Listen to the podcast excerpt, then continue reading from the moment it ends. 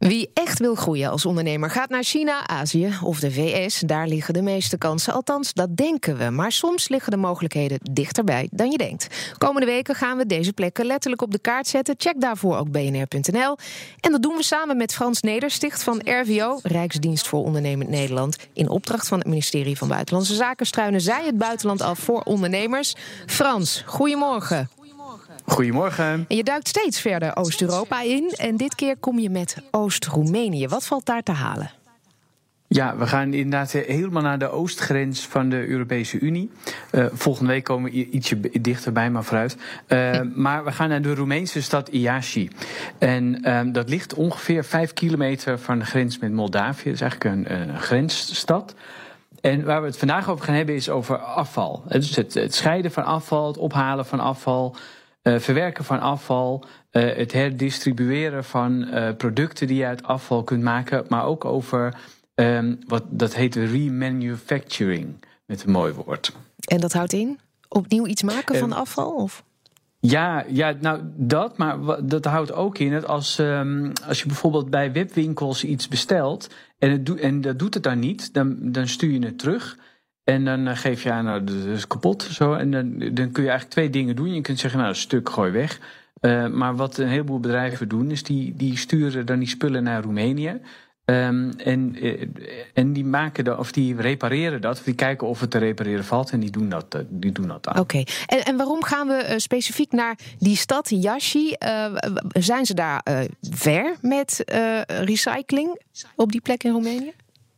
Uh, nee, totaal niet. Hè. Oh. Als we even, even, over, even groot beginnen. Hè. Roemenië um, uh, ligt eigenlijk hopeloos achter op de rest van Europa als het gaat over afval. Het gaat meestal gewoon nog in één bak en dan naar de, naar de vuilstortplaats.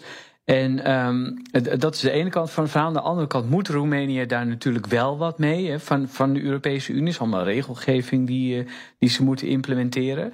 Uh, en bovendien, uh, over anderhalf jaar zijn ze ook voorzitter van de Europese Unie. En ze hebben ook aangegeven dat ze daar ook wel aandacht voor circulaire economie willen. Nou, dat is voor Roemenië, dat is eigenlijk voor het hele land geldt dat. En krijgt, hoor, krijgt, krijgt Roemenië ook geld vanuit de EU om dat aan te pakken, hè, om wat, wat, wat, wat, wat meer te doen met recycling? Ja, zeker. zeker. Okay. Dus, uh, dus ze wordt wel echt, uh, uh, ja, de, hoe zeg je dat, geholpen, ze worden geholpen om dat, om dat wat beter op de kaart te zetten. Nou, en dan voor IASI, want daar hebben we het natuurlijk over. die heeft zich aangemeld bij het Zero Waste Municipality Network. Dat is een netwerk van steden die, die hebben gezegd, nou, we willen eigenlijk naar zero waste. Nou, IASI heeft daar twee ambities bij gezet.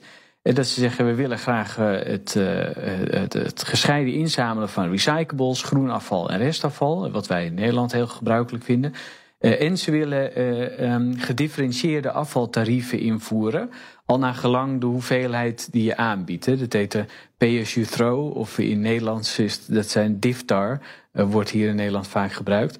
En dat willen ze daar gaan invoeren. Nou, in Roemenië is het zo dat Um, de macht is heel vaak gedecentraliseerd. Dus het moet echt van de steden komen. En het moet echt van private partijen komen die, um, die wel wat willen. Nou, en omdat Roemenië en IASI dus ook van zover moeten komen, ligt er dus heel erg veel.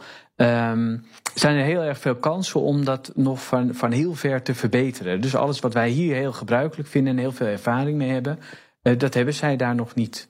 Ja, dus uh, de kans voor Nederlandse ondernemers is om onze kennis daar naartoe te brengen, eigenlijk, zeg je. Ja, dus uh, moet je wel uh, lange adem hebben, want net wat ik zeg, ze moeten van ver komen en het is gedecentraliseerd.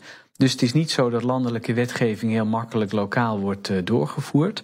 Um, maar wat wij eigenlijk zeggen van nou, hè, zorg in elk geval dat je op dat remanufacturing, dat is sowieso een kans voor ondernemers, omdat hè, lage lonen in Roemenië, uh, wel gewoon goede, goede vaardigheden, de, de echte ambachten, vaklui. En aan de andere kant voor dat afvalverwerking. Ja, die, als, die, als die steden of die regio's straks misschien met tenders gaan werken. De, dan is het wel belangrijk dat je als Nederlands bedrijf weet wat er in die tender staat. Je kunt er ook vooraf al adviseren van nou, zet dit erin of zet dat erin, zodat het beter aansluit bij wat jij te bieden hebt. Uh, en wat heel belangrijk is, zorg voor een Roemeense partner in die regio. Want, want dat is echt super belangrijk. Uh, alles is in het Roemeens. maar je weet in elk geval, Iniasi is die ambitie er om op korte termijn daar iets mee te gaan doen. dus dan kun je als Nederlandse ondernemer in de afvalverwerkingsindustrie zou je wellicht op mee kunnen liften. Weet je al waar we het volgende week over gaan hebben? Waar gaan we dan naartoe? Ja, de, de, donkere dagen zitten er aan te komen natuurlijk. Dus we gaan uh, naar de, de, eigenlijk de lichtstad van uh, Frankrijk. Uh, dus niet Parijs. Oh. Nee, sorry, niet Parijs. Nee, we gaan naar Lyon. En in het, in het zuidoosten. We kennen het allemaal van het langsrijden. maar het gaat over verlichting volgende week. Oké, niet alleen langsrijden, ook eens een keertje stoppen. Gaan we volgende week over hebben. Dankjewel. Ja. Frans Nedersticht van de RVO.